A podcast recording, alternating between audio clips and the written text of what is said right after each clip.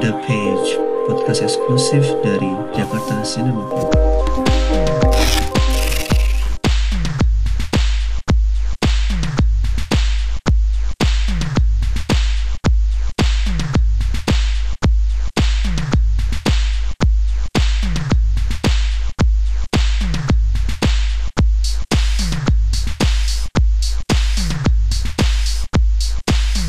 Welcome to The Page, podcastnya Jakarta Cinema Club. Kita di sesi The Adult Club, yaitu sesi di mana para orang dewasa, saat ini man of culture ya. Mungkin nanti ada woman of culture. juga. Ya, ya. Gue Putra dan Ernest. How's life, man? Uh, good man, good. What's cooking? Gimana? Ah, same same old same old bro. ya kita biasa lah ya urusan kampus dan buku anak. How, how, how is it over bro? Tadi kan gue beberapa proyek, terus terakhir kan gue end up di proyek rumah gue sendiri. Hari ini tuh gue lagi ngerjain plumbing gitu. Jadi gue habis dari toko bangunan, terus pesan-pesan pipa gitu kan. Pas Messy pipa, work. Nah, pipanya datang, gue sama Melanie tuh kayak bertukar pandangan gitu, bertukar pandangan. Kayak, wow, kita udah dewasa gitu ya, gitu kan. Kayak biasa, biasanya Kita ini- masang pipa sendiri. enggak enggak. Gue nggak nggak nggak masang pipa sendiri. Cuman eh, biasanya kan kita belanja apalah yang standar gitu ya semen atau pasir. Tapi ini kayak pipa. Menurut gue pipa kayak so, so fucking adult deal gitu loh sebelum pipa ini gue beli kan eh, jalur existing plumbingnya kan dibongkar semua sama tukang gue setiap ke proyek ini kok nggak beres-beres ya. Terus ya, kok makin lama makin hancur mulu. Lantainya makin hancur ini makin hancur. Cuman karena precaution aja sih. Rumahnya kan udah tua banget jadi kita bongkar jalur semuanya terus kayak reconstruct the uh, apa MEP gitulah mechanical electrical plumbing. Ya udah tadi gue I pas pas pipa datang ya gue sama Melanie kind of excited gitu sih. Oke, udah- itu urusan pipa udah berapa lama bro? officially an adult urusan pipa uh, kurang lebih udah 3-4 minggu men. Oke. Karena, karena gue cuma naro dikit doang tukang di rumah ke budget dan waktu gue buat memantau pekerjaan di sana. Jadi rata-rata tukang sipil gue kan di proyek-proyek yang komersial yang make money for the for the for the actual house gitu. Understood. Ini ya apa namanya kehidupan adult tuh tidak tidak lepas dari rumah tinggal ya selalu karena karena itu uh, key banget dan actually mungkin gue harus ini sih minta minta advice juga nih ke lu nih karena No no Ah, advice man, no fucking advice. Ma- mak- maksudnya gue sama bini gue myself gitu kan. Jadi kita actually create trouble for ourselves gitu ya. Kayak ketika kita ada windfall di tahun 2021 uh, bisnis gitu ya. Terus kita di tahun 2022 kita ngelihat ada suatu tanah yang dijual cukup murah gitu kan. Uh, di awal tahun. Terus kita mikir kan kayak oke kita actually right now punya the money gitu. Kalau misalnya duit ini ada di uh, di bank gitu ya So uh, there'll be like a few possibilities ya. Satu mungkin uh, jeblos ke saham, dua mungkin jeblos ke liburan ya, tiga jeblos mungkin ke urusan bisnis yang aneh-aneh gitu ya. Kita uh, will will do that lah karena di umur kita tuh kayak ngerasa duit nongkrong nih nggak produktif gitu ya, kayak harus pakai buat sesuatu gitu ya. So we, we, we did create problems for ourselves. Jadi kita beli tanah gitu, tapi kita belum mampu untuk membeli, membangun rumahnya gitu. so that's actually currently what's happening right now. Duit nongkrong, every single ounce of alcohol matters ya. every single liter of coffee or tea actually Ya, matters. bener-bener. Oh, Avocado toast juga ya. Iya, sebenarnya eh, invest di properti kan old school banget ya, konvensional banget kan. Kayak selalu or- Ya, orang very, tua. very old school ya. Asian, Iya. Asian, Asian stuff. Betul betul. Ya orang-orang tua gue, my parents or grandparents selalu standar mereka properti gitu.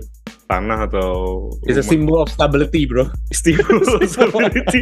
padahal padahal sebenarnya ketika udah uh, transition to our generation ketika aset itu nggak digunakan actually jadi liability gitu ya kan Sebenarnya begitu ya. Betul. Eh, ya karena karena itu kayak take advantage of uh, loophole yang terjadi di zaman sebelum kita, zaman baby boomers kan mereka kan belinya crazy amount gitu kan of land, Oh. si render gitu kan. Oh, iya. masih tidak jelas. Right now Iya. is uh, it's a liability lah sebenarnya kalau tidak dipakai ya. well congrats by the way bro baru aja beli tanah Headache, bro. lo di, di, di visi lo lo bakal tinggal di situ atau lo mau bu- buat investasi atau gimana Enggak, enggak kita mau tinggal di situ basically karena Oke. uh, actually uh, ya jadi emang kita emang uh, ya, karena emang emang kita 80% at home kan sebenarnya kan. Jadi kita pikir as a good investment if you can build the house. Uh, Iya. Ya, but Ya, that's that's another that's another problem. Tapi sa- satu hal satu hal Nes, bangun rumah dari tanah yang kosong much much easier sih daripada renovasi dari rumah yang lama. Oh, oh, ini kayak kayak apa quote yang itu ya, it's harder to repair broken man ya daripada apa sih racing a kid or something like that. I have forgot about it. so raising a kid. yes. Yeah, be- because it, it- because it, uh, apa? Dari kosong uh, gitu ya, jadi jadi iya, betul. lebih bener gitu. Ini kalau dari quotes lo tadi kan berarti butuh seumur hidup si broken that broken man gitu buat buat berubah. Misalnya that broken man is like uh, fucking 40 years old, berarti lo butuh 40 tahun buat mengubahnya. Oh iya iya benar benar benar. That's true that's true.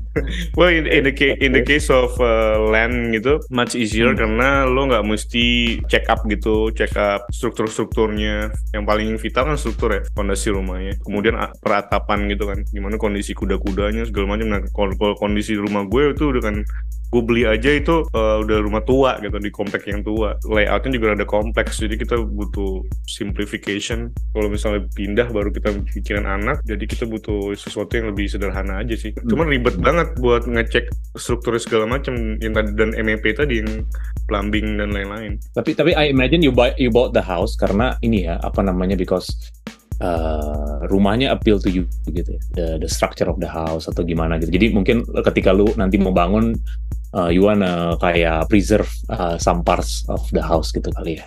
Is, is that seperti itu nggak sih? lebih lebih faktor ekonomi sih men preserving preserving Kita preserving kali tapi ujung-ujungnya faktor ekonomi ya asli. pres- Oke. preserving the structure kan jadi udah apa semuanya fondasinya kita kita keep gitu buat soalnya yang mahal tuh strukturnya men karena kan na- apa sih namanya tulang-tulangnya ya, tulang-tulangnya. betul ya. betul karena lo kan nanam pembesian gitu kan ke dalam tanah dewasa banget nih pembicaraan kita dewasa banget ini tapi lo bisa mulai inilah bisa bisa mulai menggambar Dwelling. apa merancang dari sekarang gua ya ya uh, uh, we'll we'll try on that. It's another adult stuff. Betul. Minggu lalu kan nonton bola ya, fucking Man United mainnya udah squadnya mahal banget man. Aduh, gue bingung gue kayak tahun lalu Ralf Rangnick dengan squad yang nggak ada nggak ada apa-apa ya. Poinnya mirip man sama yang sekarang. Mereka cetak gol lebih banyak daripada yang sekarang gitu. Is it? Iya, Oke. Nggak Iya. sih. Semua tuh overrated banget di depan. Rashford, terus Sancho, Anthony, ya ups and downs juga gitu. Habis itu fucking Weghorst man. I mean, ya udahlah Weghorst nggak apa-apa lah ya. Dia cuma dipinjemin doang. Tapi Very random tapi.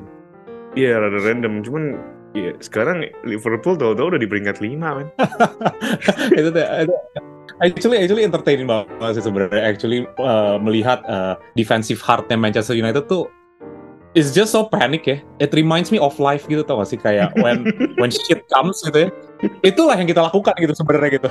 Kayak itu kayak kayak kayak a metaphor of life sebenarnya ketika gue lihat itu kayak uh, apa namanya gerak geriknya uh, economic Maguire kan sama uh, Lindelof gitu kan. Even De Gea De Gea yang biasanya kayak eh, apa ya pilar bangsa gitu kan ya crumble juga gitu ya. Aduh, gue udah nggak- nggak nggak ngerti lagi deh gue menarik menarik sangat menarik sih. Iya, iya, Dan sama peringkatnya peringkatnya tetap gitu kayak di situ situ aja. iya. That's just, uh, oh, that was funny, uh, entertaining. Tapi bi- bisnis bisnis wise menarik sih, Nes. Ini tim uh, Man United kan sebenarnya dalam 10, Iya. ta- 10 tahun belakangan ini prestasi kan hancur banget ya. Terus beli beli pemainnya juga mahal-mahal. Tapi mereka tetap bisa dibilang kayak Value-nya tetap high ya. value-nya tetap tinggi gitu. Lagi lagi proses Iya, penjualan juga nih. Ini ya ini absurd banget ya bisnis sepak bola ini gitu. Faktor Cultural kan. Culture soalnya nggak ada pemain yang kalibernya Le- Lionel Messi reflection atau- zaman dulu tuh nggak ada. Gak gitu. ada, gak ada sama sekali. Gak ada yang bisa jadi ikon yang mahal juga gitu. Kayak David Beckham, Ronaldo, atau Rooney, Even atau ya, ada- zaman dulu tuh very very uh, rich with personality ya. Ada Mm-mm. kayak apa sih, ada, ada apa sih uh, who was that? Troy Keane Roy Keane. and then Scholes, Scholes juga oke banget gitu. Michael gitu. Kayaknya pemain-pemain ini tuh our childhood lah gitu ya kalau kita lihat Iya. gitu di di. We Yes, all- yes, this is sekarang ada gitu ya nggak kebayang lo uh, in, in 30 years ngomongin Lindelof gitu atau Nggak, in, in 30 years, Maguire. in 30 years bakal tetap ngomongin Maguire sih. Bakal. Iya, Maguire. Is introduce, we're gonna talk about how shitty this team was gitu. Iya, iya, iya.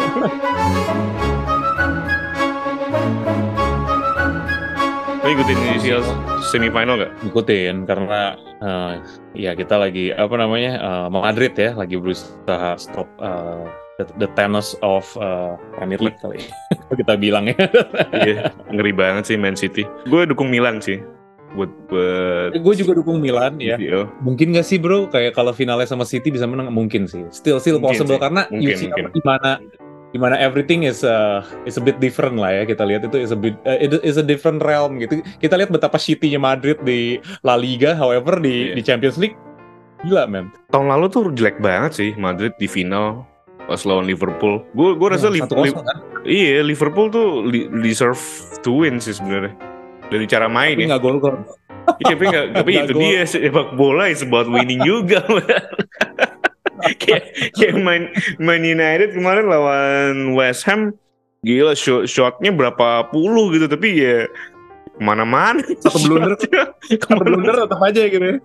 Iya, Still. iya lu mau seribu bener, bener. seribu target juga kalau misalnya nggak ada gol, nggak ada gunanya juga. Mending cuman dua target tapi dua-duanya gol kan. Kayaknya Real Madrid lebih ke Benar. Ke efektivitas itu sih. Same with life banget bang. Berapa juta kali percobaan terus kayak gagal mulu. Habis itu ada ada beberapa yang kali dua kali nyoba, habis itu langsung workout gitu. Damn. Gue gue tuh gue tuh selalu ngelihat Madrid tuh kayak white collarnya sepak bola atau nggak? Some Hmm. some guys just have all the luck tau gak?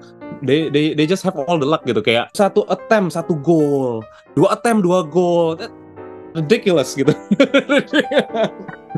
yes, but ya ya udahlah emang begitu. Jadi kita kasih aja lah Madrid ya masih masih masanya. Kadang-kadang gue curiga La Liga kan nggak seketat Premier League ya. Jadi Iya, mungkin iya. jadi mungkin mereka di La Liga tuh mainnya ya 60% tenaga gue aja lah gitu. Ya, santai-santai aja. Gue bakal menang juga anyway.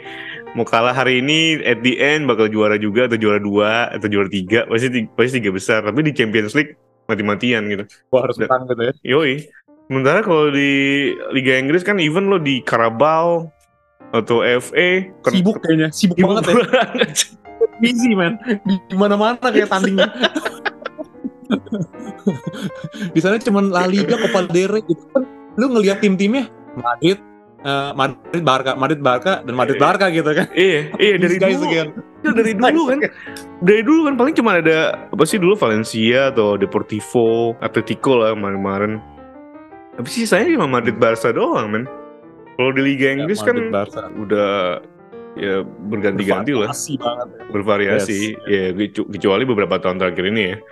Ada satu, ada satu yang ngeri banget udah kayak udah udah bukan she's out of my league gitu loh. Ya, ya. Tapi emang sih eh, eh, liga liga yang paling unpredictable emang mungkin Premier League ya karena kita lihat Arsenal gila udah 8 point lead aja bisa Hmm. kejar loh. Maksudnya kayak three ya, three ties ya kemarin mereka aduh pokoknya hancur banget mereka mainnya. Iya, Dan sekarang Iya. kejar lagi sama City. iya. So very unpredictable. Eh, ya menarik Lu- sih itu. eh, kalau misalnya ada pertandingan bola nih yang jamnya tuh udah kacau banget jam 2 atau jam 3 lu nonton nggak? atau lu nonton replay? atau lu nonton nggak nonton? kayak kayak kayak gue nggak nonton kecuali mungkin eh, mungkin mungkin at best kalau misalnya gue niat banget gue bangun jam berapa ya? Pokoknya babak dua udah Hmm. pertengahan deh menit 70-an gue bangun. Karena gue bisa lihat gol sebelumnya. Ta- ta- eh, dari itu dari apa mini match gitu. Tapi Iya. eh, ya gue eh, gue kurang lebih tahu lah gitu endingnya gimana nih gitu kan. Tapi lu pak- lu- lu tetap paksakan ini real time gitu nggak nggak replay nggak nggak nggak gitu sih sebenarnya kalau kalau gue bisa bangun aja. Kalau gue bangun jadi gue pasang alarm kita lihat lah gitu kan. Gue bangun apa enggak? If I if I didn't then I I just I just didn't. Soalnya menurut gue indahnya sepak bola tuh salah satunya adalah menyatukan semua orang di dunia dalam satu waktu kan? Menarik sih bener. Iya, Benar, dalam- kita di detik yang sama, di menit yang sama, everyone in the world watching the same entertainment gitu. Itu salah satu fenomena yang menarik banget. Cuman di satu sisi, eh, gue kadang-kadang kalau misalnya malas banget begadang atau atau apa bangun bangun subuh gitu, gue nonton replaynya aja sih. Udah ibaratnya kayak nonton bola aja, eh nonton film aja sih jatuhnya. yes yes yes Karena mau gimana pun, I take football as an entertainment gitu. kayak film atau musik gitu jadi the way they play not just the score gitu di end results karena nggak penting juga buat gue sebenarnya kecuali kalau gue take a bet gitu kan di bet 365 atau atau we W888 gitu. Jadi, Jadi, you try to enjoy the thrill lah ya gitu ya. You Yoi, yoi, yoi, thrill. yoi, yoi. tapi tertarik sih gue buat uh, ini betting atau beli uh, stoknya gitu. Lo udah, lo udah ngambil stok di ini gak sih football club gitu? Enggak lah. Enggak ya? Caranya men, Kan bisa. Uh, lo ikut market yang di Europe. very interesting. Tapi cukup cukup. E- Even emotional investment aja sangat tinggi buat gua. Apalagi gua masuk finansial kan. That would be like apa ya? Devastating ya. kalau enggak kalau misalnya kita owning uh, like the stock of the club kan the sense of own- of ownershipnya lebih ini lebih terasa daripada saat ini kan kita bisa dibilang labelnya fans layar kaca kan fans layar ya, kaca fans lain. Iya dan nggak ada ikat nggak ada ikatan emosi sama sekali kecuali childhood. Itu itu itu, itu, emotionally charged bro. Itu kayak bakal bikin like really sad financial decision. Lu bayangin kalau gue invest di Liverpool ta- tahun ini how how shitty it ya tapi tapi kan nggak tahu. Tahu-tahu musim depan misalnya di- dijual eh nggak tahu ya value-nya tinggi banget. Knows? Ya kan knows bro? Itu dia. Tiba-tiba Arab gitu ya masuk iya oh, dreams. tiba-tiba ke ke- Qatar atau Syria atau Pakistan masuk ya kan? Jude Bellingham.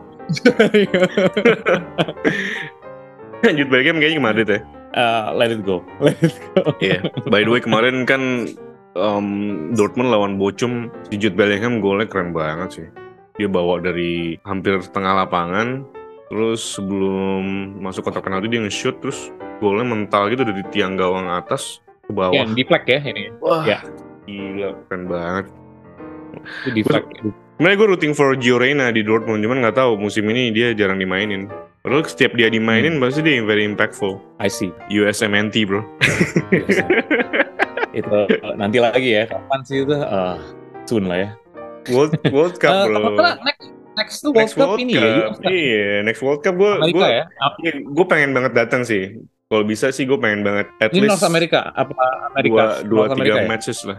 Amerika, Kanada, sama Meksiko. oh Tiga- dapat. Tiga negara. final udah pasti di US lah ya Final di, di US udah pasti. Hopefully man, hopefully semua mendukung. I wouldn't say work hard ya, I would, I would say uh, work smart. and good luck And good luck ya, itu paling penting sih. good luck good night and good night and good luck. Anyway, uh, lo lagi baca apa bro? Uh, so in my life ya ada dua jenis buku ya satu self help Iya, satu gue- lagi yang gue- yang, gue juga yang- suka yang self-help. buku-buku buku-buku buku-buku ini ya buku-buku uh, man of culture ya yang satu lagi yang self help itu itu yang actually menurut gue sekarang lagi in, apa namanya uh, di di rak rak buku gue tuh kayak ini kayak Hmm. infestation gitu jadi udah mulai turning semua jadi self help actually I don't know whether it's like a mid uh, a, the 30s atau uh, peak of adulthood gitu ya. Uh, kita nggak tahu ya but then uh, mostly self help ya. Karena lu kalau nonton film John Wick ya dia datang ke apa sih namanya dia datang ke ke ruangan yang apa ada senjatanya semua gitu ya. Gue kayak ke toko buku kalau kayak gitu teh. Eh, see uh, what are my problems? And lu mulai ambil tuh semua self help and try to get help. Ya self help bener. Terus satu lagi ya tadi man of culture atau books for being pretentious. Ah, Iya pretentious. Uh, gua, gua ada sih depan gua nih kebetulan ya. Why why we hate. Oke, things School of gitu Life ya, ini ya punyanya Alan de Botton kan? Ya Alan de Botton uh, bagus banget karena actually dia ada title-title yang menurut gua apa? Why Why we hate cheap things. Kayak menarik banget. karena ya, we hate cheap things tapi we, we never ask for a for a ini ya for for a for an argument for that gitu ya tapi somebody gave it ya why not? Oke, jadi lu lagi baca bukunya ini bukunya School of Life milik Alan de Botton judulnya Why We Hate Cheap Things atau diterjemahkan Dan- ke Indonesia kenapa kita membenci hal-hal yang murah. Iya, hal-hal yang katro mungkin kalau bahasa Katro ya, iya gitu. katro sih. How's it, how's Karena it so kalau hal yang murah kemungkinan kita seneng. However yang katro kita nggak seneng. Bener bener bener bener bener. Probably bener. cheap things sedikit, right? Uh, dan endless endless buku inilah, ya, buku-buku self help mah, eh, ya, so, too many. How, how's it, how's it so far? Uh, so far kita masih, gue masih ada di history uh, side of the cheap things. Jadi kenapa dia ada lambangnya itu pineapple? Karena zaman dulu tuh ketika ketika pineapple first discovered ya, actually pineapple was very expensive. Namun ketika dia berhasil dibiarkan di Hawaii dan dekat ke Amerika, it becomes very cheap. Uh, namun writernya ngomong so this is still the same pineapple. Jadi zaman dulu, jadi emang dulu juga gue sempet uh, ketika di uh, gue jalan-jalan di London gitu ya, gue sering lihat kayak ada palace itu hiasannya tuh pineapple.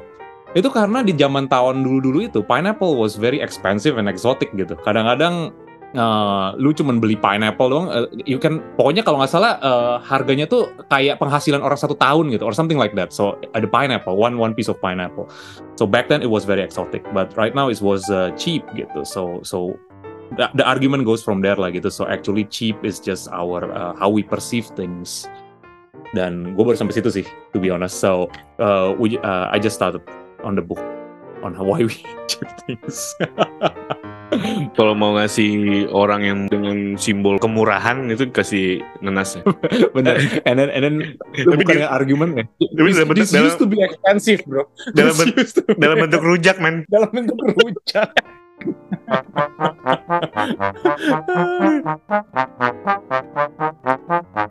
Tadi kan lo mention bookstore ya. bookstore, yes, bookstore. How do we miss bookstore, man? Gramedia aja, yang contoh yang paling konkret ya, yang menemani kita dari masa kecil. Sekarang juga udah lebih efisien downsizing the area itu lebih banyak stationery daripada buku Tas, gitar, keyboard, bahkan terakhir gue lihat mereka jual slime ya.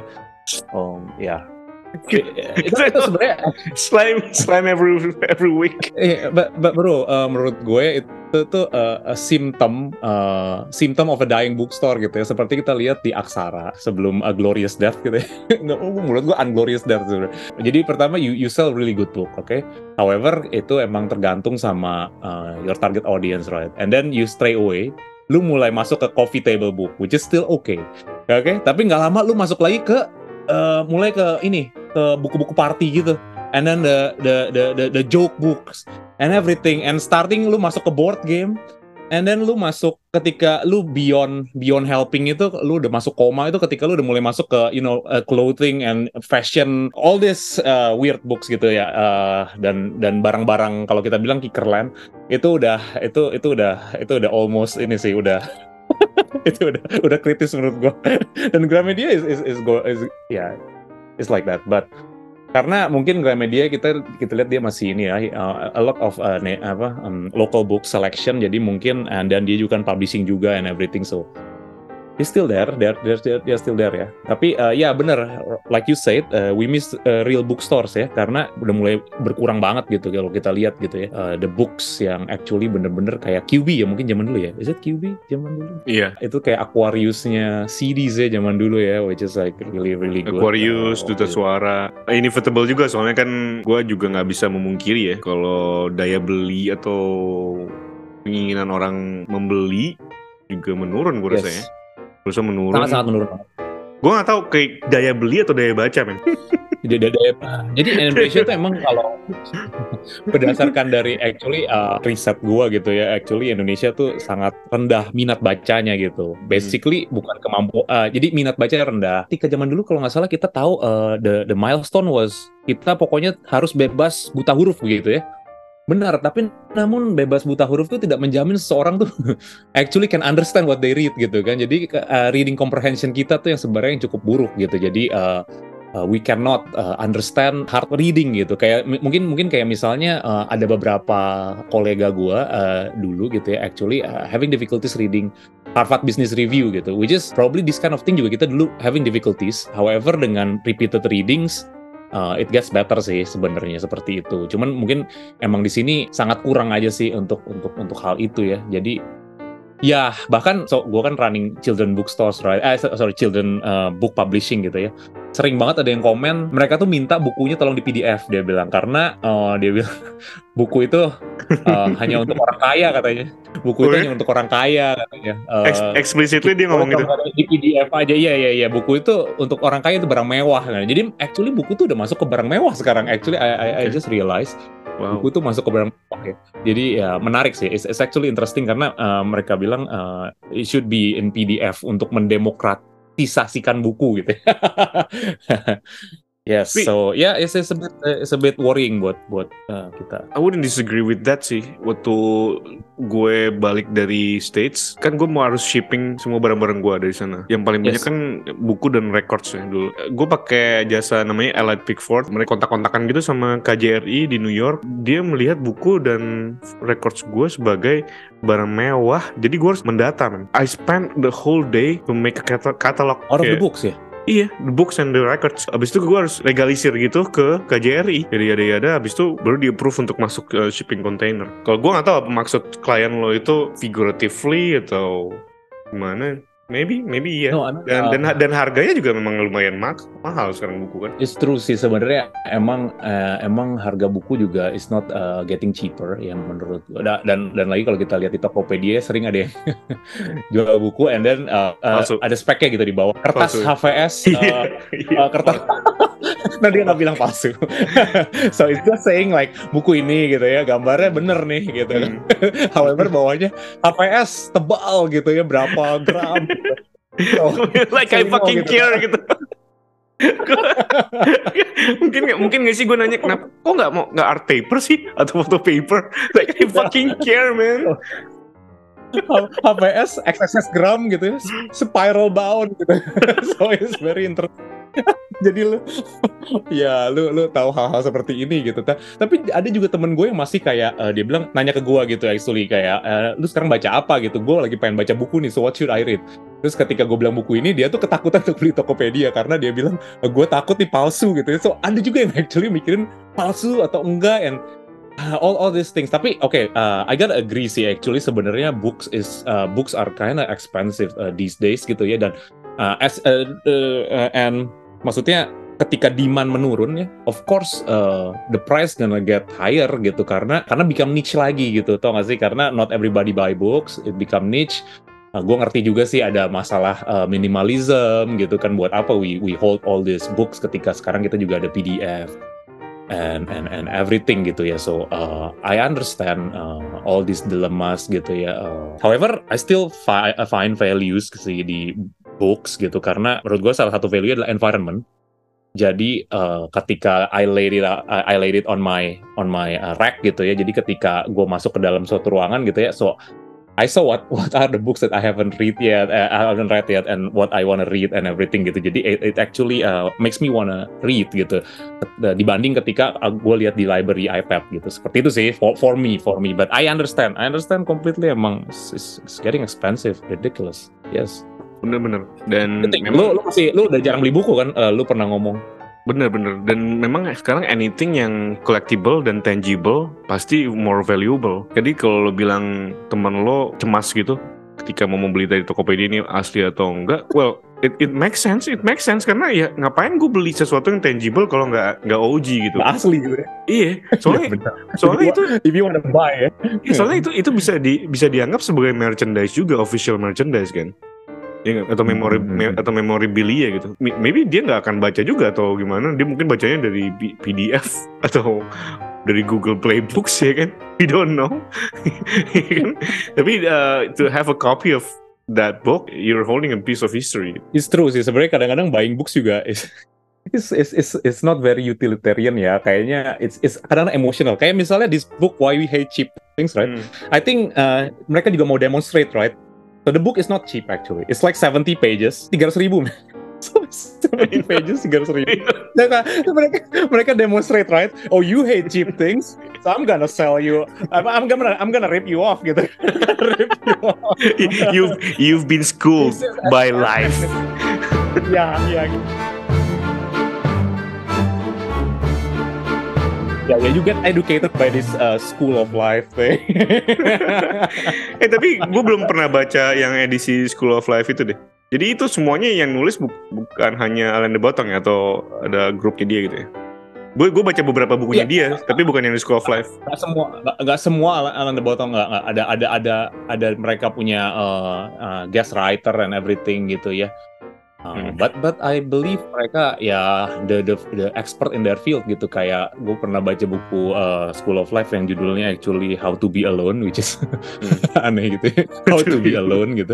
dan dan dan actually yang nulis tuh emang dia tuh emang tinggalnya sendirian loh. Dia lima tahun gak ketemu orang. And he's like that you know so. Interesting sih sebenarnya. Gila gue dari kecil nih kayak rame banget selalu lo dikelilingi sama be keluarga. I just wanna, I wanna be alone. I wanna die alone too.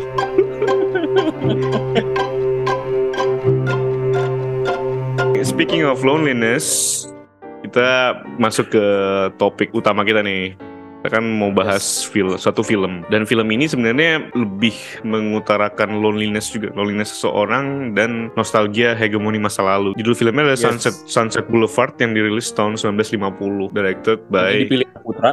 Billy Wilder. Ya gue pilih film ini karena aneh banget ya. Ini film udah berpuluh-puluh kali gue lihat. Even dalam bentuk DVD bajakan dulu gue punya pernah zaman-zaman kuliah gitu. Ya jadi sampai zaman digitalnya tapi gue nggak pernah tertarik buat actually nonton filmnya. Entah kenapa poster-posternya itu well any kind of version of the poster never appeal to me. Padahal so you, film you look familiar but you don't Iya. start watching until now betul, lately. betul betul.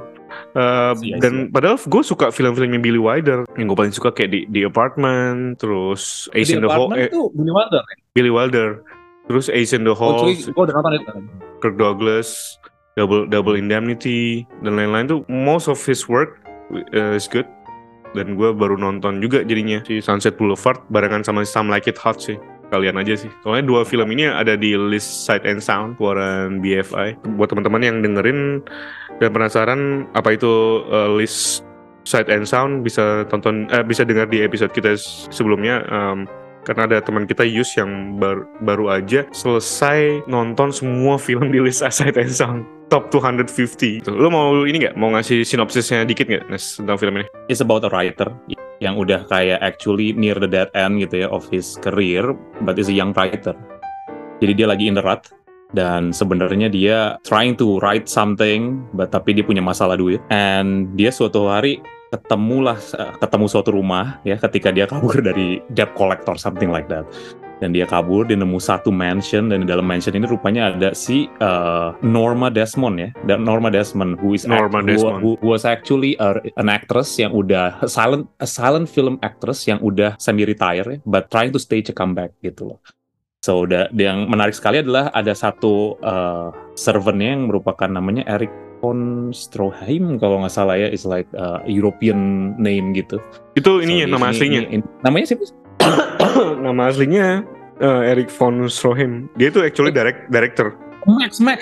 Max ya, da- Iya, nama- da- nama karakternya Max. Max ya. Max Ya, von apa nih gue tulis? Max von Mayer Mayerlin ya. Max ya dan dan itu menarik banget karena uh, dia akhirnya uh, try to help untuk uh, this uh, this old actress to come back gitu ya. Tapi dia juga tentunya ada uh, dia punya motif sendiri intrinsic motif sendiri yaitu dia kekurangan uang ya. Di, di situ dia diberikan uang dan karena karena karena si artis ini apparently is very uh, very very was very very rich gitu ya. Namun there was com- uh, complication dan so ada big spoiler di sini yang actually gue not willing to disclose karena itu itu ada part of the movie Al- although mungkin kalian bisa menebak sih ya ketika kalian nonton midway gitu ya. bro bro Tapi bro bro Sorry. fuck it man fuck, fuck it, man. ya, just Yeah, fuck it. just ya, just leave it ya. Oke. So yang menarik yang menarik dari film ini adalah karena penceritaannya modern sih sebenarnya actually. Jadi eh, ini penceritaan yang kayak mungkin kalau kita lihat zaman modern tuh kayak burn after reading kali ya. I don't know, maybe maybe it's not like that. It's not it's not a very apt example gitu ya. Cuman cuman untuk untuk film-film zaman segitu tuh is is very dari script writingnya everything is is very different. Jadi dia dia muncul dengan sebuah scene pembunuhan gitu ya. Dan terakhir kita tuh akan ditarik balik lagi ke uh, scene pembunuhan tersebut gitu ya dengan nara- narasi orang pertama yang ujung-ujung dia mati juga. However, dia tetap bisa menarasikan setelah event setelah dia mati dan dia tetap menarasikan gitu. Jadi ini sangatlah apa ya kalau kita bilang kan padahal uh, peraturannya adalah if you start with the first person, so that person need to be there, tapi ini nggak there, tapi the the story is intact gitu ya dan dan dan uh, it's funny makanya mungkin gue bisa bilang ini kayak uh, black comedy juga gitu ya. Jadi uh, gue lanjutin dari yang tadi ketika dia dia membantu si si actress ini dan nearing the end gitu ya dia ada komplikasi karena si actress ini rupanya uh, fell in love with this writer gitu ya dan itu mulai uh, mulai kompleks karena si writernya ini fell in love with another writer dan dia juga kangen dengan hidupnya dia ya yang dulu walaupun miskin but then free and you know as a Hollywood writer, uh, script writer dan segala macam dan coming to there gitu ya. Cuman uh, yang bikin ini works adalah karena as a writer dia juga punya uh, self deprecation nature gitu ya. Dia juga kayak somewhat hate himself, hates the world and everything. Jadi dia tetap ada di uh, dia nggak tetap nggak bisa lepas gitu dari cengkramannya dan ketika dia mau he wanted to escape uh, itu di situ di mana dia got fatally shot gitu ya. Dan kembali lagi ke scene pertama gitu. I'm still digesting uh, the whole thing gitu ya. Cuman well, love at first, first sight kali ya. Mungkin karena karena actually I I I really love juga Americas in the so so I love America in the 70s I love America in the 50s gitu ya. cuman karena emang menarik gitu ya. Menarik banget gitu. Karena everybody still apa ya very polite and they they wore all, all this like apa namanya uh, raincoats and everything gitu ya. Interesting banget gitu iconic lah. Karena we know uh, Amerika emang pada masa-masa segitu is very very very iconic ya. Kayak ada Manhattan Project. I think that's that's that's the decade where uh, Amerika itu gain power banget gitu loh. From the visual everything kayaknya ini eh, this is just all in one for me. I'm out of words sih sebenarnya actually. Because uh, the acting juga really good uh, Norma Desmond. Uh, gue actually baru pernah dengar siapa namanya sorry Gloria Swanson ya? Is, Glo is, that, is that the actor? Bener, Gloria Swanson. Gloria Swanson ya. Iya. Yeah. Iya, dia dia menurut gue dia dia ace banget sih. Uh, I don't know what do you think? Gue kayaknya agak lost for words dan gue juga masih actually trying to guess why this movie is so uh, good so ya gitu good. kan ya. Ya. Tadi lo bilang fall in love for first sight gitu, maksudnya lo suka filmnya langsung gitu ya? Bener, karena gini, Oh. uh, ketika dia dia buka dengan narasinya yang unik gitu ya. Jadi pertama kan dia udah ada setting incidentnya gitu ya, which is like ada ada ada man floating on the pool gitu ya, in the pool. Terus habis itu dia mulai masuk dengan uh, you know there is a problem and then more problem and then more problem. So so so itu immediately absorbing banget gitu loh buat gua gitu ya. And then and then penulisannya juga witty banget. However all the characters is just believable gitu loh menurut gua. Si karakternya itu writers gak uh, writer gitu loh. Dan dan actually writer life is like that. So yeah uh, immediately what you call that smitten Iya bener. Dan film ini memang tentang Hollywood banget kan, Hollywood writers. Ya, Hollywood, Hollywood bener-bener. writers, eh, anything lah. Thank you buat openingnya Nes.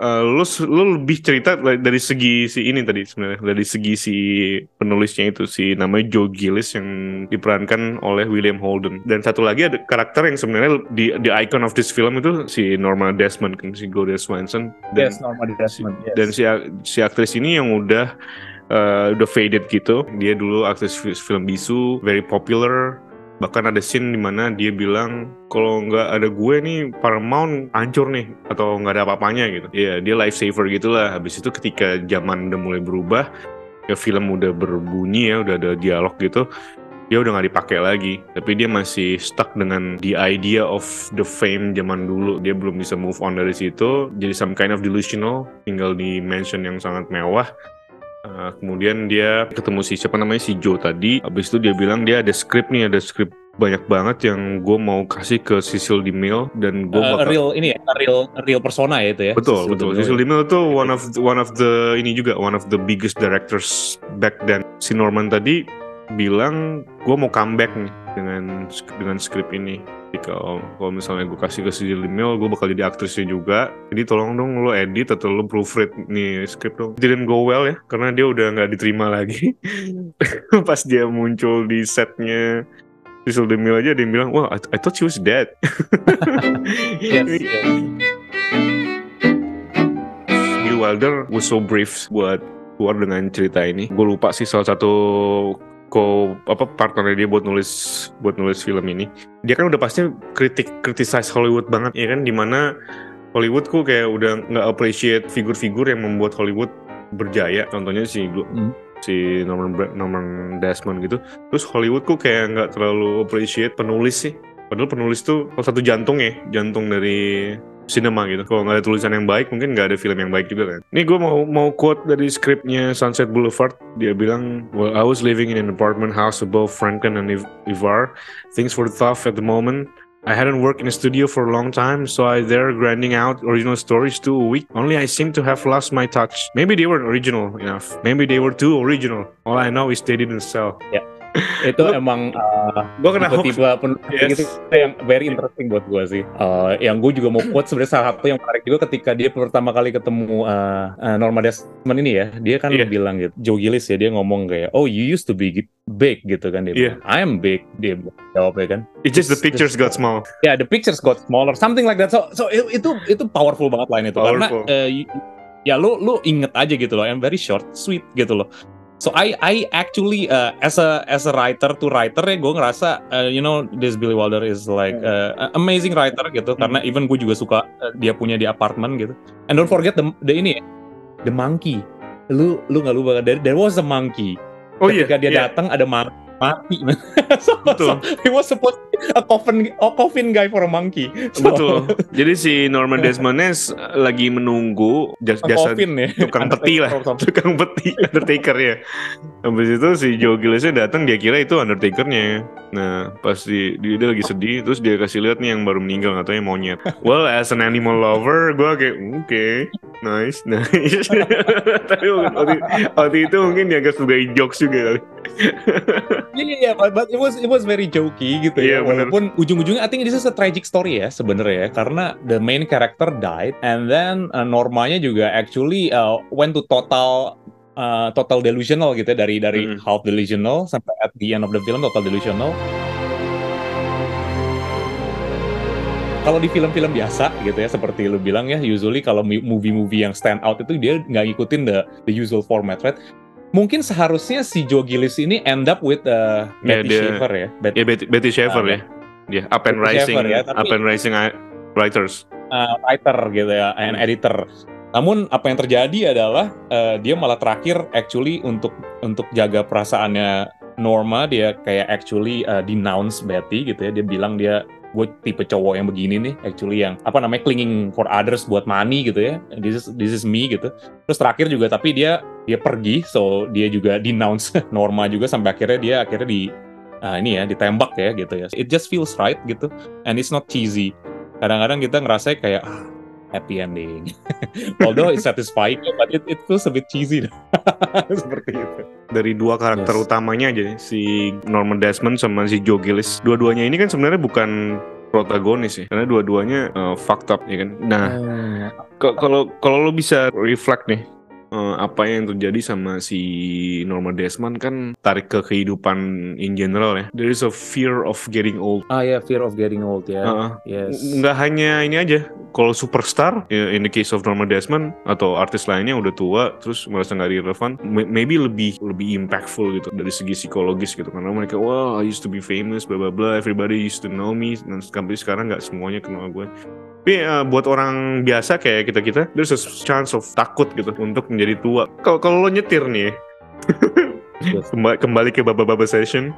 Kalau lo nyetir Oh, kalau nggak denger musik kan gue denger podcast. Kalau denger musik kan uh, of course apalagi kalau lagi sendiri ya. Kalau lagi sendiri kan your mind goes everywhere. Kadang-kadang uh, lo ada evil thought atau wah atau inspirasi untuk uh, your work atau whatever. Pernah terpikir the fear of getting old? Wah nanti ketika gue udah tua banget nih, gue masih ada teman gak ya? Contohnya misalnya, Ya. teman gue teman-teman gue masih hidup gak ya? Oke, misalnya teman-teman masih hidup, terus gue bakal bisa menikmati nggak ya apa yang tersaji di depan gue saat itu gitu minggu lalu lo bilang udah nggak bisa catch up dengan TikTok jadi kayak kayak, lame gitu Gi- bakal gimana ya nanti ketika kita udah umur 60 atau 70 and we're still alive what would the technology be like gitu Yeah. serem banget kan Kinda scary sih ya. Benar-benar. Actually Iya, that's iya. quite true. Iya, si Norman Desmond kan oke lah. Ini udah ini artis yang benar-benar nggak bisa move on lah dari fame apa di masa lalu. Menurut lo gimana man? Kalau di kayak kita nanti misalnya umur 60 atau 70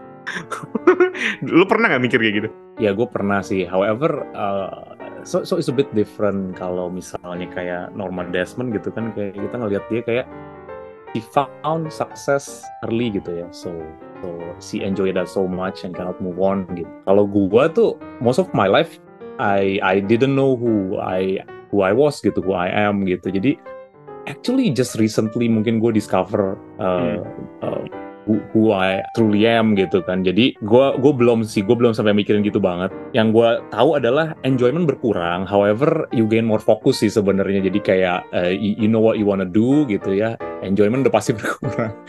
Mungkin kalau misalnya lu lihat dari sisi your 20s, probably lu bakal alarm kali kalau sisi 20 tahun lu lihat lu sekarang gitu ya, probably lu bakal alarm gitu. Is what is that gonna be me in like 10 years lu? Wah, alarm banget kan zaman dulu kan wah party apa lah gua nggak tahu dah.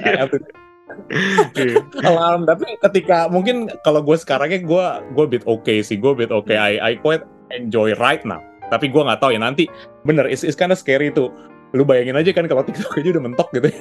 After TikTok apa sih gitu kan. Wah 3D apa stuff gitu. Wah virtual reality pusing man kayak oh, yeah. that's, that's crazy. Iya. Yeah think about it, you, you will be kayak in a in a different world ya kali ya nanti ya, some something like that. So so you need to keep your friends uh, healthy. keep your friends healthy. to, to, to have that kind of ini apa namanya your your own apa Garden of Eden gitu kali ya bro. Iya. Yeah, yeah. Keep your friends healthy. Sedih banget ya kalau misalnya kita kayak nggak bisa relate gitu sama orangnya. Is is is, is kind of sad. Oh, maksud gue yang paling gampang gini deh. Uh, itu my daughter gitu. Dia selalu ngomong kayaknya dia dengerin terus Blackpink bro. Kayak okay. Blackpink Blackpink Blackpink. I'm trying tau gak gue I'm trying to listen to the song. I'm trying to like kayak gue pengen make my my my my daughter happy gitu ya. I I wanna gue juga mau gitu jadi fanboy. Gak bisa bro. It's just stuck gitu loh. Gak bisa gitu kayak I, I just I just don't like this song gitu. Kayak stop it gitu. Tau gak sih? Tapi uh, it against my will like. Padahal ya itu itu itu popular kan gitu. What's hmm. wrong with this? What's wrong with me? Kadang-kadang gue juga mikir gitu sih. What's wrong with me man gitu. Why I cannot enjoy this anymore gitu. Kayak agak sedih sih sebenarnya. That's true. Some part is like that. Kalau misalnya yang lo bilang tadi itu kan in the form of konten konten dari si uh, artworknya sendiri misalnya uh, musik tadi lo bilang oh musik yang sekarang nih atau film film yang sekarang atau buku tulisan buku buku yang sekarang misalnya contohnya bisa aja generasi di much much older than us ketika Nirvana muncul dulu misalnya atau Soundgarden atau Pearl Jam mereka kayak what the fuck is this gitu Iya gak sih? Ya benar. Ya kan? Ngapain anak gue denger dengerin uh, apa orang gondrong bajunya robek-robek pakai baju flanel terus teriak-teriak gitu. Stop it son gitu misalnya. Kalau misalnya teknologi bro, it's a different cake man. Once we kind of miss out on that gue rada takut sih itu dia sih gue rada kayak gue rada ya, ya kayak ya kayak lu nggak bakal bisa kejar lagi ya gitu ya because because because you're left behind or something like that so it's not just a matter of taste aja sih basically on that ya yeah. That's yeah. true. How to keep up? You're asking the wrong person. Tapi kita tanya teman-teman kita nih yang dengerin Uh, what do you think, man? Kalau lu sekarang, ya, yeah, kalau lu umur 30-an sekarang, lu pernah punya ini nggak the the fear of getting old nanti misalnya lu tiba-tiba kepikiran gimana tuh umur 60 atau 70 what what the world will look like atau memang solusinya hanya ini aja, fuck that gitu. Ya lu gak usah mikirin ya, being zen aja udah fokus on the present. Maybe that that would be the solution nih. The world could have ended actually ya back in 2020 or 2021 gitu, ya kan? Jadi kita nggak mesti overthink, maybe. Untuk saat ini, mari kita jawab dengan nggak usah overthink. Just iya. accept who you are. Just accept the present. Gak usah dipikirin sampai, wah oh, nanti tahun 2050, 2070 gimana. Okay, fuck that shit. fuck that shit. Oke, okay? even di tahun 2023 aja kita nonton film tahun 1950. Come on, man. Ya benar benar benar benar. Ini Sunset Boulevard umurnya 73 tahun men. Umurnya cuma 7 tahun lebih muda dari nenek gue. Dan masih relevan. Ya. Dan masih relevan sampai sekarang. Artinya mungkin ada ide yang memang masih relevan walaupun dites sama waktu. Ya uh, universal team lah kayak semacamnya aging itu sebenarnya itu itu uh, uh, ya yeah, uh, hey, heyday gone past gitu ya itu juga actually uh, is a is a is a universal theme sih sebenarnya. Yoi. Baik lagi ke film tadi kan takut sama uh, masa Norma Desmond tadi udah gue bilang juga dia yes. takut nggak dipakai lagi sama Hollywood. Actually uh, sekedar trivia aja si Gloria Swanson juga memang artis dari The Age of Silent Film. Ceritanya dia mirip sama Norma Desmond. Dia jarang dipakai sama Hollywood ketika udah masukin era baru. Even sampai Sunset Boulevard juga setelah itu dia nggak nggak nggak main film lagi. Dipakai lagi juga, nggak yeah. main juga. Satu lagi menarik nih, yaitu relationship antara si Norma Desmond yang bisa dibilang udah udah tua lah ya dan si Joe Gillis yang yang masih muda. Hubungan ini gue lihat jadi agak toxic karena si Norma Desmond dia ngerasa not money could buy anything dan dia bisa membeli kebebasan dan perasaan si Joe Gillis walaupun argumennya adalah wah ini orang udah agak gila nih karena ada twistnya ya. Nggak taunya si Max ini adalah mantan suami pertamanya si si Norma Des. Lo punya butler dan ternyata si butler itu yang berusaha mau ngeprotek lo dari awal segala macam sampai dia pura-pura ngirim surat. Seolah-olah dia adalah fans dari si Norma Desmond biar si Normanya masih masih merasa happy ya punya punya fanbase ternyata adalah mantan suaminya dia By the way si Max ini actingnya keren banget ya diperankan oleh Eric von Storhem. Dia itu director film Greed tahun 1924 dan film Greed ini juga masuk listnya Sight and Sound all, all time great films. Dan satu lagi trivia kan ada scene mereka main bridge ya orang-orang tua main bridge Ya. dan si Joe Gillisnya bilang wah ini orang-orang masa lalu gitu nih. Ada istilahnya gitu gue lupa dia bilang si Billy Wilder pakai silent actors dan salah satu yang paling kita bisa kenal di situ adalah Buster Keaton. Buster Keaton Di situ dia ngomong ya. di situ dia ngomong eh, cuma satu line doang tapi Iya satu lain. eh, iya ada Buster Keaton terus An- Anaki Nielsen sama H.B. Warner mereka tuh memang from the older generation gitu dipakai sama Bill Wilder di sini 1920s ya kalau uh, the old generation on that. Iya oh, well 1920s? way before inilah. Pokoknya bef- before inilah cinema udah jadi ada dialognya lah.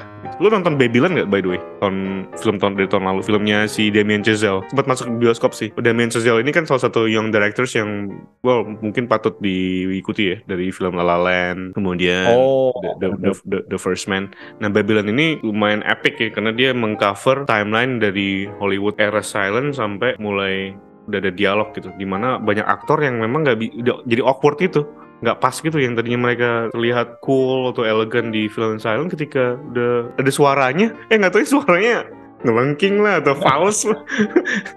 Orang-orang jadi different skill set ya. bener-bener different skill set. Menurut lu gimana hubungan yang toksik antara dua orang dua yang tok dua orang toksik tadi juga gitu. Yang satu butuh duit, ya kan struggle uh, struggling writers, uh, Yes.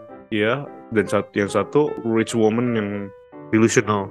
What do you think about the the toxic relationship? Ya, itu um, menarik banget karena sebenarnya tema tema seperti ini tuh uh, kita udah sering lihat ya. Kadang-kadang ada di kadang-kadang ada di sinetron juga gitu ya. Kadang-kadang ada di uh, any kind of movies lah. Kita sering ngeliat yang kayak gini kayak si cowok ini jadi kayak semacam kalau kita ngomong kayak you know uh, peliharaan gitu ya. But you know lu jadi semacam semacam man slave gitu tapi not quite gitu ya. Gue ngerasa yang menariknya di sini adalah Joe Gillisnya kayak try to uh, defend his dignity juga gitu ya. Cuman dia selalu dia selalu perang gitu dengan dengan emang kenyataan hidup gitu bahwa ya actually you cannot write really well anymore dan you stuck gitu. So so so what you gotta do gitu kan. Jadi dia selalu kayak bolak-balik tapi uh, it's more than that juga karena the complex stuff adalah dia sebenarnya dia in in this kind of fight dia sebenarnya udah menang gitu loh. Dia sebenarnya bilang suatu hari dia pernah pergi dia dia kabur dari rumah tersebut dan dia ikutan New Year's party atau something like that terus dia nggak mau balik lagi awalnya.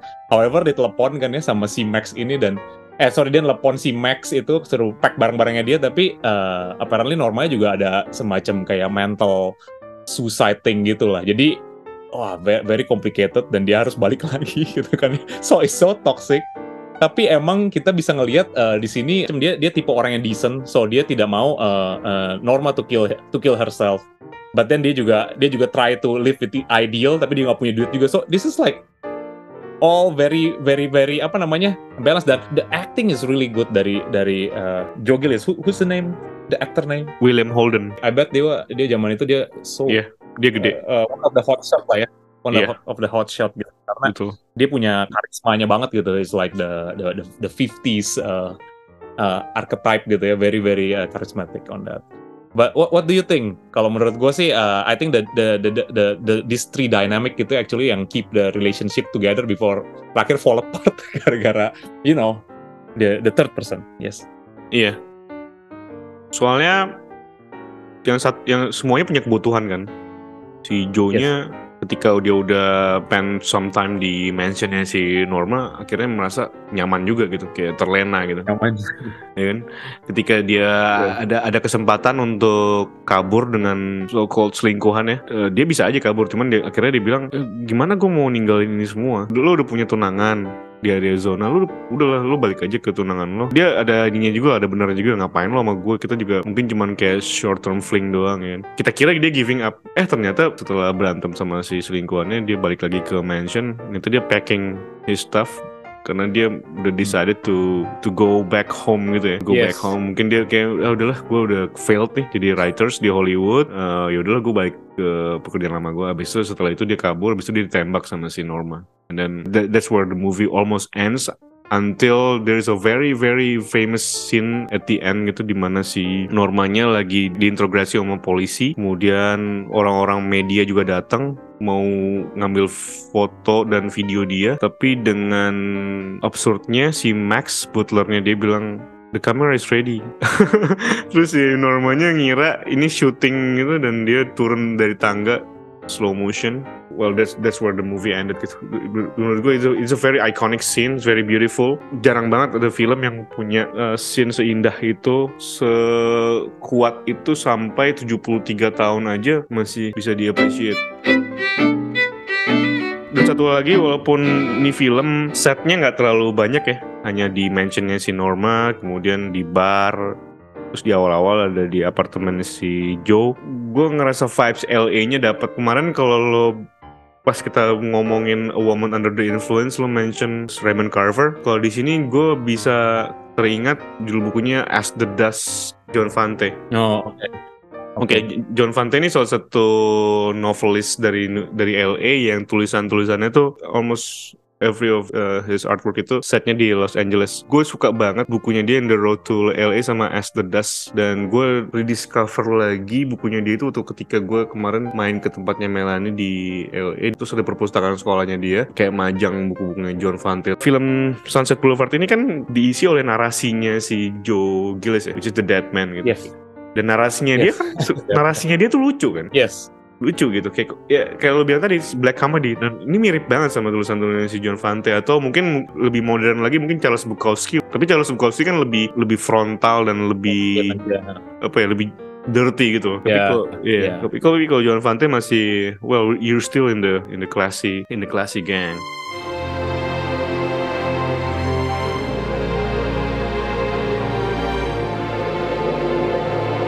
Kalau tadi lo bilang um, relationship between older women dan younger men, gue langsung teringat The Graduate tahun 60-an filmnya Mike Nichols. Kalau pernah nonton filmnya Dustin Hoffman tuh, dia masih muda. Ada relationship sama older woman yang merasa mungkin dengan uang bisa membeli segalanya gitu. Tapi ini nggak not necessarily uh, ini ya gender gender fokus gitu ya. Oh mesti younger older woman gitu. Karena ya older man juga ada juga yang sama younger younger woman gitu kayak Lolita segala macam. Nih? Tapi ke, kalau di kasusnya Sunset Boulevard ini udah clear sih kalau dia itu delusional yang, yang disebabkan oleh ketidakbisaannya dia untuk menerima nyataan kalau dia udah nggak bisa dipakai lagi sama Hollywood. Di satu sisi, wah Hollywood was so fucking cruel gitu lo nggak bisa memperkerjakan bintang lama lo gitu lo meninggalkan bintang lama lo padahal I think she was still good. again makanya yang bikin itu so interesting adalah actually uh, itu bikin gua actually uh, browse a lot ya kayak oh iya bener ya Paramount kayak gitu ya and then everything so ya yeah, it's, it's, it's a black comedy kritik juga satire juga uh, a love story juga gitu kan and and a history uh, in the in the in the movie gitu ya. Dan gue selalu admire film-film yang actually uh, ada strong relationship with reality gitu loh. Jadi kayak uh, as you mentioned gitu loh. Kayak A Woman Under the Influence. Iya, iya, ya mu- mungkin uh, in, in, in, in a way yang kayak actually misalnya uh, yang lu bilang actually si uh, Gloria Swanson tuh actually sebelumnya dia actually uh, a silent actor gitu ya sama uh, Max gitu juga dia juga Oke. sebelumnya silent act- Iya. director dan Betul. ini tuh mirip-mirip kayak uh, being being John Malkovich gitu kan ya actually Iya. hiring the John Malkovich himself gitu. Karena Iya. menurut gue ini ini menarik banget karena menurut gue ini brave gitu. Jadi kayaknya dia bener-bener menggunakan uh, a real karakter walaupun ya mungkin uh, si karakter tersebut jadi tidak usah menjadi somebody else ya. So the acting is more natural gitu. Tapi tapi uh, keren sih maksudnya bec- because you can fashion things out of this gitu. Jadi nggak nggak semuanya tuh actually uh, in uh, inventions. Actually you have you you play with with reality. Jadi uh, it's more complex lah gitu. Jadi it's interesting very interesting gitu loh Uh, Satu sisi dia appreciate the history of cinema juga jatuhnya kan. Dan satu sisi dia mengkritik juga. kritik juga lucu juga gitu kan dan dan bukan yang kadang-kadang kritik kan banyak ada banyak caranya ya gitu ya ada caranya yang kayak eh, lo demo lah atau apa gitu ya. but this one is uh, ya ya ya it's it's better gitu loh kayak culture ya kita kayak kita man man of culture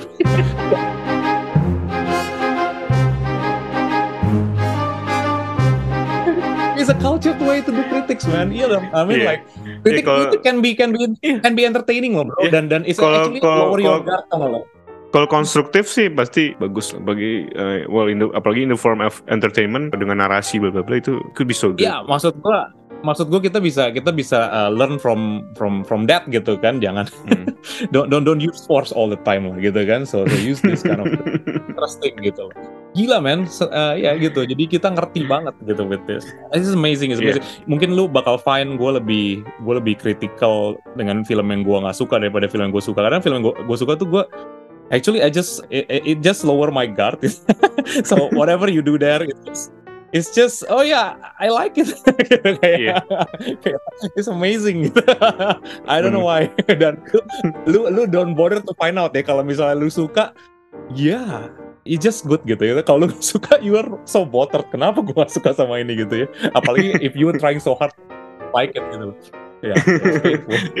Trying so hard to like it sih, tai sih.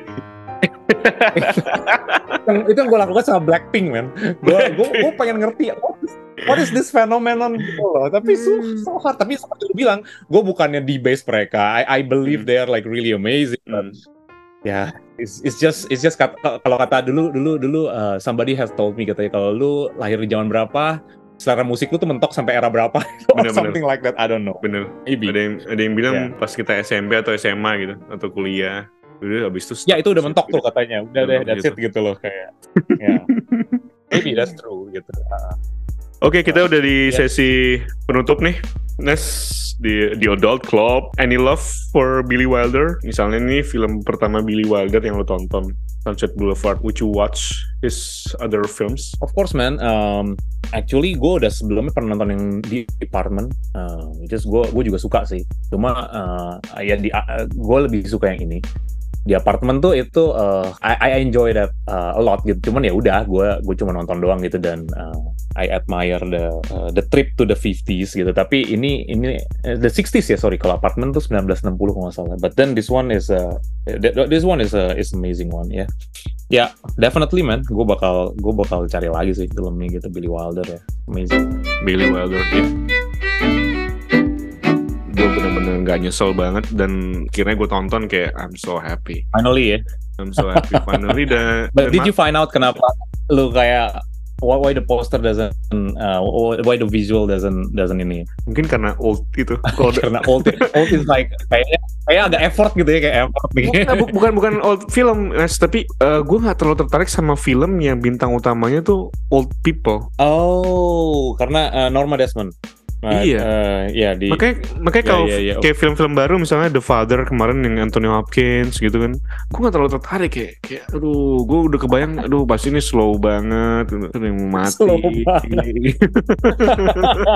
gitu. Oh Kayak iya iya iya mungkin mungkin kayak ya, a, bit depressing ya think about it ya. Iya Oh, iya gitu ya. iya mungkin eh, apa kadar fear of getting old gue mungkin lebih tinggi ya now I could say well fuck it gitu kayak eh, just focus on the present gitu It's- near, just in the near future not in so distant future gitu.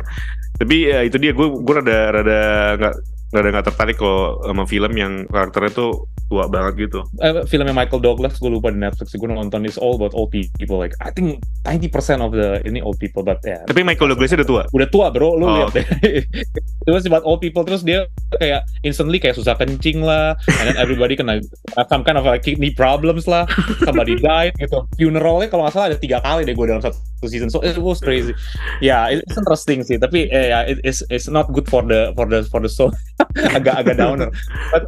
Satu lagi yang pengen gue bahas sama lu adalah terakhir banget ya mungkin uh, Hmm. jadi gini kan gue gua gue kan apa namanya uh, subscription Criterion ya. Jadi waktu Iya. ketika gue mau nonton Boulevard ini gue cari di Criterion. Actually it wasn't there. Actually uh, surprise me gitu ya. Sampai uh, sebenarnya gue juga pengen tahu sih what are the things that actually goes into Criterion and what doesn't gitu. Itu kayaknya satu, topik, topik khusus tuh, Mas. Uh, maksudnya did you notice that actually it wasn't in the Criterion gue kayak wow really gitu gue pikir itu udah Criterion banget nih gitu Iya. tapi tapi gua eventually bakal sih, eventually ya. Karena Oke, ini oke. karena uh, belum mungkin belum aja gitu ya karena ini film kan kayak signifikan banget menandakan sebuah masa gitu. Iya iya iya bener bener. I mean I mean Armageddon masuk kan gitu kan. This should be This should be juga dong. Kalau shoplifter aja masuk kan come on man. Iya, Armag- Armageddon masuk, terus ada satu The Rock juga masuk kalau nggak salah. The Rock yang ini Sean Connery. Tapi uh, beberapa filmnya Bi- Billy Wilder kan di Criterion ya kalau nggak salah. ya. Some Like It Hot sih udah pasti. Tapi itu uh, whole different topic sih dan uh, menarik banget sih buat dibahas karena gue juga ada beberapa observasi. Mungkin nanti kalau misalnya ada use, use lebih ini sih lebih kritikal lagi masalah pemilihan pemilihan si Criterion ini. But I I love Cri-. Cri- Criterion gitu. Uh, ever since maybe pertama gue discover kurasinya mereka mungkin tuh awal-awal 2000 malah ya. Walaupun nggak semuanya oke tapi jaminan mutu lah. Untuk saat ini sih gue masih coba ini dulu sih mau namatin list uh, sight and sound. Uh, again bisa dicek juga di uh, episode kita The Experience di the page. Oke kita tutup dulu Nes ya. Oke. Thank you Uh, banget nih thank you. buat uh, orang-orang dewasa yang sudah mendengarkan The Adult Club. Oke, buat yang masih masih kecil juga, makasih juga udah mendengarkan. Ya, mungkin kalian juga akan menjadi dewasa. Diri jadi adult. Iya. Oke, Uh, thank you for listening. Kalau misalnya kalian punya, punya ide atau apa pun itu, the Instagram the page podcast atau at Jakarta Cinema Club di Instagram. Jangan lupa follow Spotify kita, uh, the page. Okay, see you in the next session. So long. Oke. See you so long.